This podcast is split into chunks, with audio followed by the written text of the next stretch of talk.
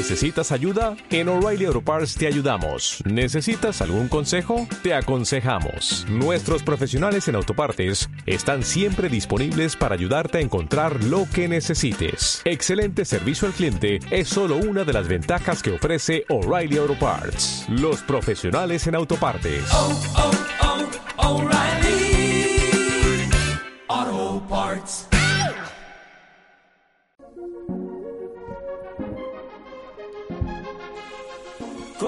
Tú te llamas? Yo no sé. ¿De dónde llegaste? Ni. I ara és l'hora d'una de les meves seccions preferides, perquè sóc un tio que m'agrada vestir bé, però un tio al que li costa vestir bé. Per tant, necessito que vingui gent que em dongui, gent que en sap i que em dongui consells, i en aquest cas tenim el que més en sap de tots, el senyor Antonio Vizcarri. Eh, viste bastante bien, a mi parecer, ¿eh? Gràcies a ti. Bueno, Gràcies a ti. No, Yo no, eh. ¿eh, Toño? tú vistes también bastante bien. Manel también, el pono tanto. Ya te no tanto. Ya te las has cargado. Hoy lleva una, un jersey de cuello paloma que no me gusta. Y yo voy con unos zapat- zapatos Oxford muy bonitos también. Lo importante es Has participar. aprendido, Toño, de, ¿de qué hablamos hoy? Hemos hablado de zapatos, hemos hablado de camisas, Sí, ¿verdad? ¿Y hoy qué toca? pues hoy vamos a, tocar mm, dos amigos nuestros, que son amigos pero van siendo desconocidos en nuestro mundo moderil, que es eh, la corbata y, y- y el pañuelo, ¿no? Genial. Antes de todo, Sergi, me dejarás hacer un inciso. No es una editorial, pero es un inciso de mi sección. Bueno, va. Venga, va. A ver, mucho tiempo ha pasado ya, queridos eh, oyentes, sin escuchar este maravilloso programa, ni tampoco, obviamente, sobre esta sección. Desde mi trabajo y el de nuestros compañeros, intentamos que todos ustedes eh, aprendan un poquito más. Me, me incluyo. Como has comentado, Sergio, hablaré de, de moda, pero quiero hacer hincapié en que esta sección no solo aborda el mundo de la moda, sino que la intención de un servidor es hacer que esta sección sea una incógnita para todos ustedes y que igual una semana hablemos de pan, la semana siguiente hablemos de, de vino. Sin más demora, vamos a entrar ya de pleno con el tema que nos atañe, ¿no, Sergi? Venga, va. Repetimos escenario, la moda, pero diferentes protagonistas. Hoy son la corbata y el, y el pañuelo. Empezamos con la corbata. Ya que cuando se habla de corbata se habla de elegancia por excelencia, aunque muchos diseñadores y las propias corrientes de la moda quieran quitar protagonismo, incluso algunos vaticinaban su desaparición, ¿qué sería de un elegante traje sin una preciosa corbata? Nada. O sea, un traje sin corbata deja de ser elegante automáticamente. Como un gin tonic sin hielo. correcto, correcto. El- se los ponía el Paul, creo, en el jueves. en Es el- muy en el moderil esto. Te gusta la palabra. Sabía que te gustaba.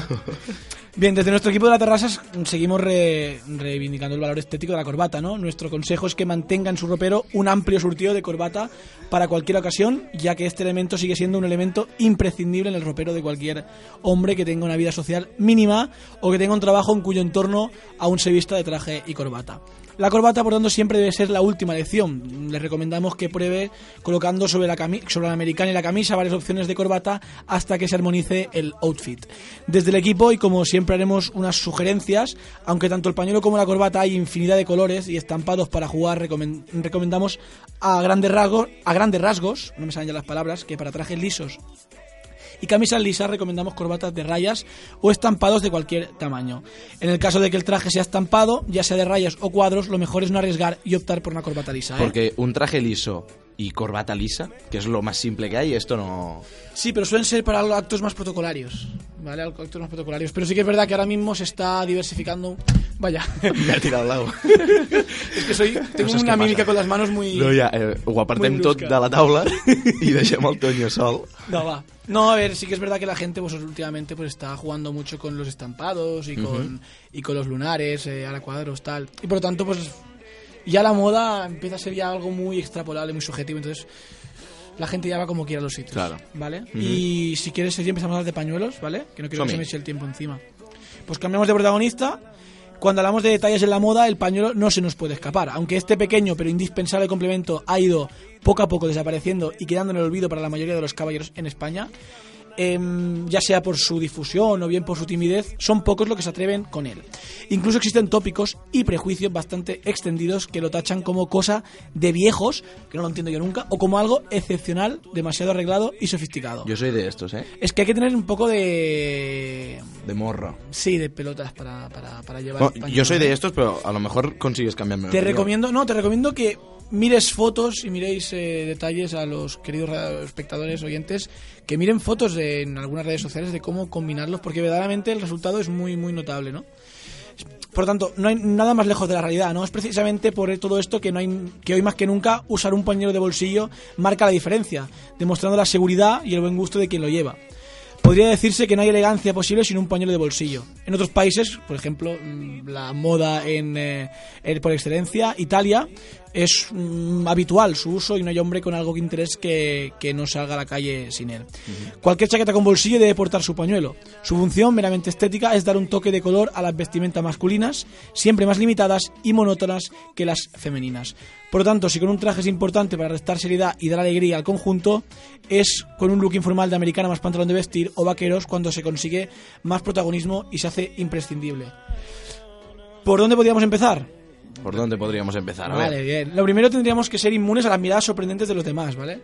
Hay un compañero de clase nuestro que se llama Paul Pedret, que seguramente nos está escuchando ahora mismo, que va siempre un poco al borde de la Sí. moda, rompiendo lo, lo estricto, que, bueno, que No, y, y yo esto, a esta gente la admiro muchísimo. no le sorprende las miradas de los demás. No, la gente que es capaz de salir a la calle, yo me veo guapo, pues ya está. Las modas, ¿cómo se crean? En, el fondo, ¿Cómo se crean? ¿Cómo están se crean? Rompiendo tendencias. rompiendo tendencias, exacto, sí, sí. ¿Quién nos iba a decir que de hoy se llevan los pantalones estrechos? Antes salías con pantalones estrechos y te tachaban un poco Sí, de sí. Mariflower, ¿no? Pero bueno, pues, pues por lo tanto las miradas sorprendidas son los que tenemos que evitar, ¿no? Por lo raro, eh, habrá que quien le gusta, habrá quien no, habrá quien te diga algo y quien le eche las manos, incluso dependiendo del lugar. mm, hasta las mujeres pues pueden sentirse atraídas, que sé que a todos de aquí nos gustan mucho las mujeres, sobre todo al Víctor, que le encantan. Por lo tanto, para dar el paso y acostumbrar a los... ¿Eh? Siempre pringo yo. Siempre. Pero con las mujeres no es pringar, ¿no? Por lo tanto, para dar el paso y acostumbrar a los demás, asociando nuestra vestimenta con los pañuelos sin llamar atención, lo mejor es escoger el típico y discreto pañuelo blanco, luciéndolo recto sin enseñarlo demasiado. Pero si ya un traje de por sí ya es complicado de escoger uno bueno, que te quede bien, y ya tienes que combinarlo con la corbata, ahora que si los puños de la camisa y tal, ahora me añades el pañuelo, ¿cómo combino yo el pañuelo? Da- dame algún consejo. A ver, primero hablaremos un poco de, de la, de la- del tejido, ¿no? Un pañuelo de calidad, que tampoco son muy no son muy caros, ¿eh? suelen estar por los 20 euros, ¿vale? es un complemento pues que, que, bueno, que tampoco mata. Entonces, un pañuelo de calidad tendrá los bordes cosidos a mano y estará hecho en materiales como seda, algodón o lino. Las combinaciones posibles serán americana de algodón con pañuelo de algodón, seda y lino. eh, depende de la formalidad en la que se use el traje, ¿no? Colores. Es que hay una oferta inmensa de colores y estampados diferentes. Hay liso, hay lunares, hay cachemir, etcétera.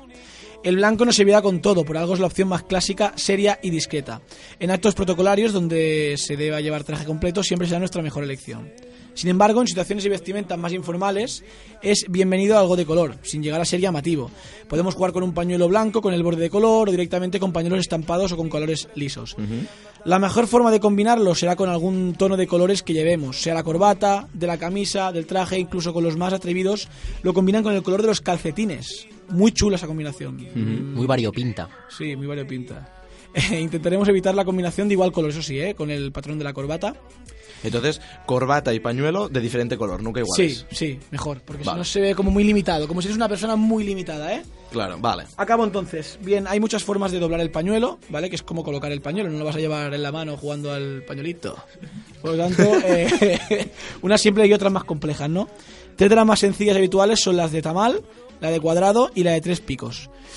Para explicar el procedimiento en un medio de comunicación queridísimo como es eh, nuestra radio va a ser algo complicado, ¿no? Así que si te parece, Sergi, mm, lo haré por lo haremos por Twitter, ¿vale? Vale. Porque haremos una fotito para saber cómo nuestros queridos radio oyentes podrán colocarse el pañuelo eh, de las tres diferentes maneras que he explicado. Vale, pues entonces ahora cuando podamos colgaremos una foto para que la gente pueda ver, ¿no? El tema este de, del tamal, del Pero, cuadrado y de las ¿Será tres un picos. collage o...? No sé, sí. no, va a ser ya- una infografía. Vale, Va a eso ser una ya, ya, infografía. te- Va a ser una infografía. decidimos, ¿no? Toño, ¿alguna cosa más? No.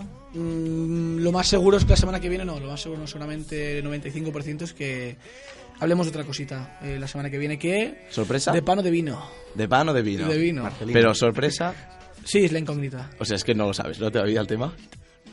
Eso, un, Est- un estás mago, ahí, un ahí, mago eh. nunca desvela sus trucos ni sus... Bueno, pues Toño, como siempre, muchas gracias por tus consejos. Espero, ara torno al català, si us plau.